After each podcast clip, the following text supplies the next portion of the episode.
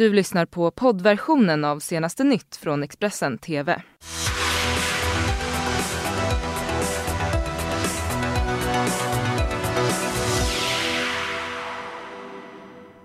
God morgon, det är tisdag den eh, 5 november och du tittar på senaste nytt och det här är våra rubriker just nu. Fiskare hittad död i Övik. Åkesson nu större än Löfven i storstäderna. Och Malmöborna i skräck efter helgens eh, sprängdåd. Men vi inleder i norra Sverige. En äldre man drunknade när han pimpelfiskade i, utanför Örnsköldsvik igår. Det var vid 19.44-tiden som polisen fick in ett samtal, samtal om att en ryggsäck eh, observerats eh, ute på isen på en sjö. En bil ska också ha stått eh, parkerad vid just den här sjön. Ambulans, räddningstjänst och polis åkte till platsen och efter en timme sökande så hittade de en man i 80-årsåldern i vattnet. Han har uppenbarligen gått igenom isen, säger LSC-befälet eh, Stefan Andersson. Mannens anhöriga ska vara underrättade. Nu ska det handla om Sifos nya förtroendemätning som gjordes på uppdrag av Expressen. Åkesson är nu större än Stefan Löfven i storstäderna, visar den nya mätningen. Det har gått bra för Sverigedemokraterna i höst. Mätningar visar att partiet nästan gått om Socialdemokraterna som landets största parti. Och nu kommer nästa kalldusch för statsministern.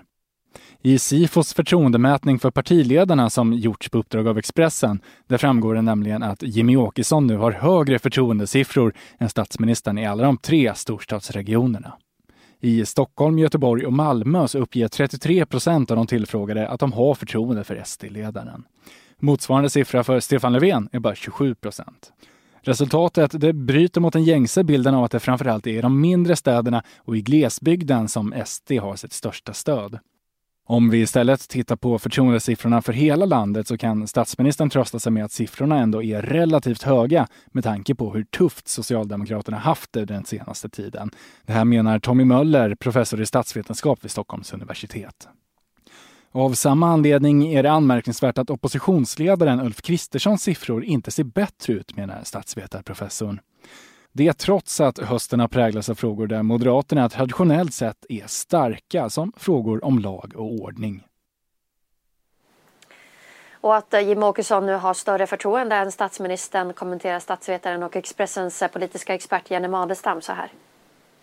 Ja, det här är faktiskt intressant för att eh, det borde inte riktigt vara så här. Eh, därför att Jimmy Åkesson och inte minst Sverigedemokraterna är ett parti som eh, eh, har vanligtvis haft ett starkt stöd ute i landet och inte i storstäderna. Eh, det är ett parti också som eh, har gjort lite av en grej att kritisera den här Stockholmscentreringen inte minst. Eh, och, och storstadsväljarna har väl kanske inte i första hand valt Sverigedemokraterna. Men här tror jag att vi börjar se ett skifte nu. Vilket också då visar sig i förtroendet för Jimmy Åkesson. Eh, vilket kan hänga ihop med att eh, det här gängvåldet vi har, skjutningar och, och, och så vidare. Som till stor del är koncentrerat till storstäderna. Och därmed så blir det frågan om den här säkerheten, trygghetsfrågorna. Som jag tror skiner igenom i det här förtroendet som då väljarna ger till Jimmy Åkesson. Att man uppfattar även i storstäderna att han är den som, som på allvar vill, säger att han vill ta itu med de här frågorna. Och också då kopplar ihop det till invandring. Eh, och runt storstäderna så finns det ju stora segregerade områden där många människor med invandrarbakgrund lever också. Och det är no någonting som Sverigedemokraterna och Jimmie Åkesson pekar på. Sprängdåd i Sverige är inte längre bara ett storstadsproblem. Antalet anmälningar om sprängningar ökar nämligen i nästan hela landet. Det här visar en granskning som Ekot har gjort.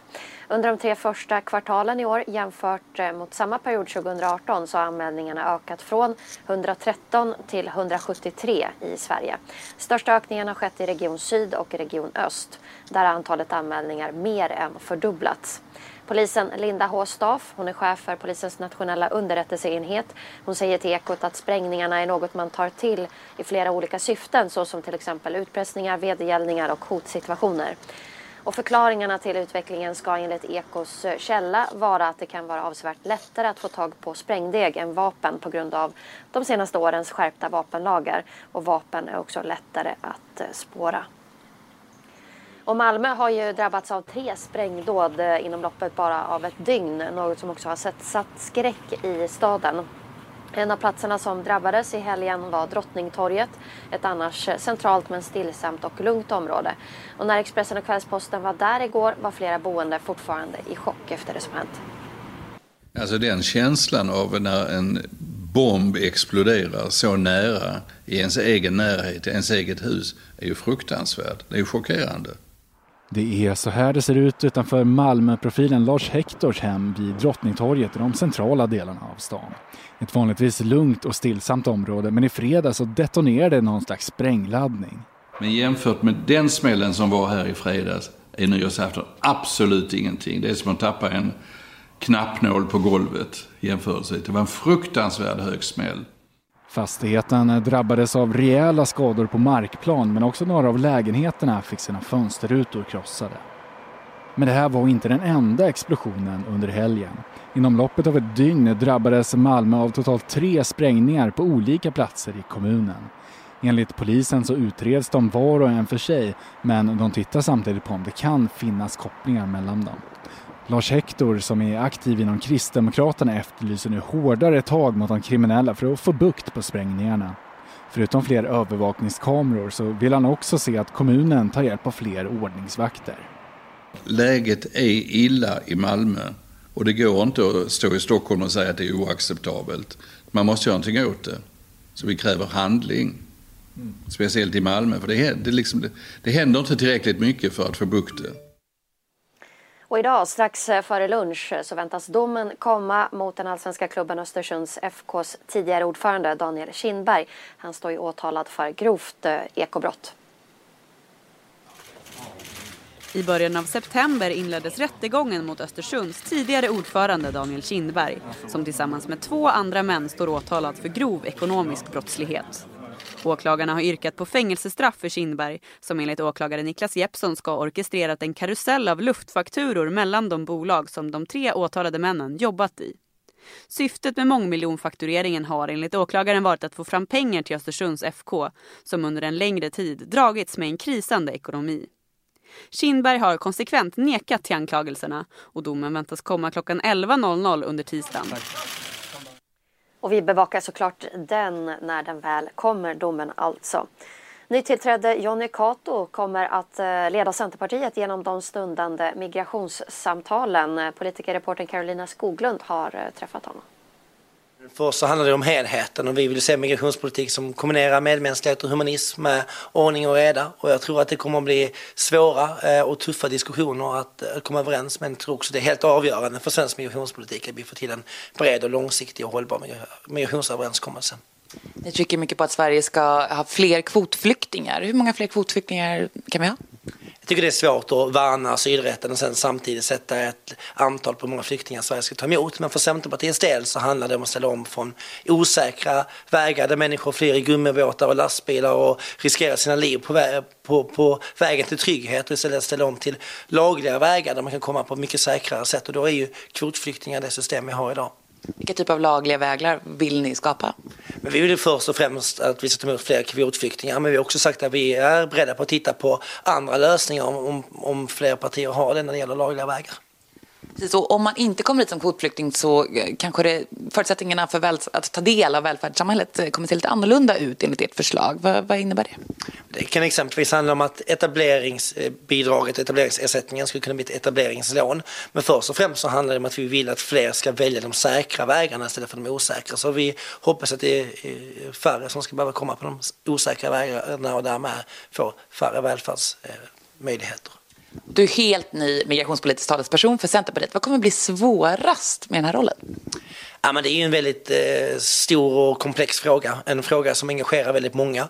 Eh, och jag tror att det, det kommer bli en utmaning att komma överens brett och långsiktigt. Men jag tror det är helt avgörande. Och jag är beredd att göra allt jag kan för att Centerpartiet ska kunna vara med på en bred och långsiktig migrationspolitik som förenar humanism och medmänsklighet med ordning och reda.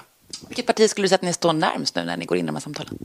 Jag tycker inte man kan säga eh, det det så enkelt utan det finns ju delar där vi ligger nära vissa partier och det finns delar där vi ligger nära andra partier. Och mm, det är liksom inte relevant att jämföra så utan vi behöver ju gemensamt så många partier som möjligt liksom, försöka bli överens. Och då är det ett givande och tagande som i alla förhandlingar.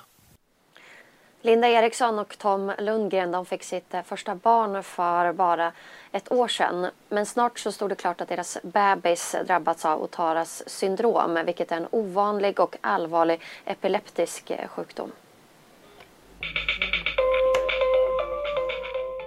Elton föddes den 7 oktober 2018. Efter en dryg månad fick föräldrarna Linda och Tom hastigt lämna hemmet på Hisingen i Göteborg för att ta sig till barnakuten efter att Elton börjat krampa. Läkarnas besked var nedslående. Elton fick diagnosen Otaharas syndrom. Sjukdomen är ovanlig och mycket allvarlig. Den beror på en avvikelse på en gen och hämmar utvecklingen och orsakar epileptiska anfall. De närmaste månaderna fick Elton många anfall varje dag, men nu mår han bättre. Tom berättar att Elton är långt efter andra ettåringar, både fysiskt och psykiskt. Han kan inte prata, men föräldrarna får nu fin kontakt med honom och man kan få underbara leende av honom, berättar Tom. Linda säger att de inte tar något för givet. Vi vet att de flesta barn med sjukdomen dör väldigt tidigt, men vi hoppas och tror att vi får behålla honom länge, säger Linda. Vi går vidare. Officiellt så är det ju eldupphör mellan Ukraina och Ryssland men verkligheten den är en annan. CNNs Clarissa Ward besöker ett land där kampen mellan ukrainska styrkor och Rysslandsstödda separatister alltjämt pågår och där USA spelar en viktig roll bakom kulisserna. On the front line of Ukraine's war with Russia, conditions are basic and the enemy is near. This position just 600 yards from Russian backed separatists. Soldiers stand guard in dirt trenches, reminiscent of the First World War. Commander Pavel Sergeyevich tells us one of his men was shot dead by a sniper 10 days ago. He says Ukraine needs all the help it can get. So he's saying that when he heard the news that President Trump had frozen the military aid, he was unhappy because he says America is our most important, our strongest ally. That aid was released in September, but the temporary freeze left a chill. The nearest village, Shirokino, used to be a popular seaside resort. Now there are no people left, just devastation. Even the church was hit. In war, nothing is sacred. After five long years, the world's attention has basically moved on from Ukraine. But the war here is not over yet, and Ukraine is still very much dependent on the support of the U.S. Ukrainian Marine Alexander shows us what is left of the local school. It was destroyed by Russian artillery at the start of the war. It will be 10 years before people can come back, he says. All this territory needs to be demined. But that process can't even begin until the fighting stops. Our guide has asked us now to put on our helmets because apparently the separatists have actually been using drones to drop ordnance on some of the soldiers here. Fler nyheter blir det alldeles strax här i Expressen TV. Du har lyssnat på poddversionen av senaste nytt från Expressen TV. Till förordnad ansvarig utgivare är Klas Granström. Poddtips från Podplay. I fallen jag aldrig glömmer djupdyker Hasse Aro i arbetet bakom några av Sveriges mest uppseendeväckande brottsutredningar. Går vi in med hemlig telefonavlyssning och, och då upplever vi att vi får en total förändring av hans beteende. Vad är det som händer nu? Vem är det som läcker? Och så säger han att jag är kriminell, jag har varit kriminell i hela mitt liv men att mörda ett barn, där går min gräns. Nya säsongen av Fallen jag aldrig glömmer på Podplay.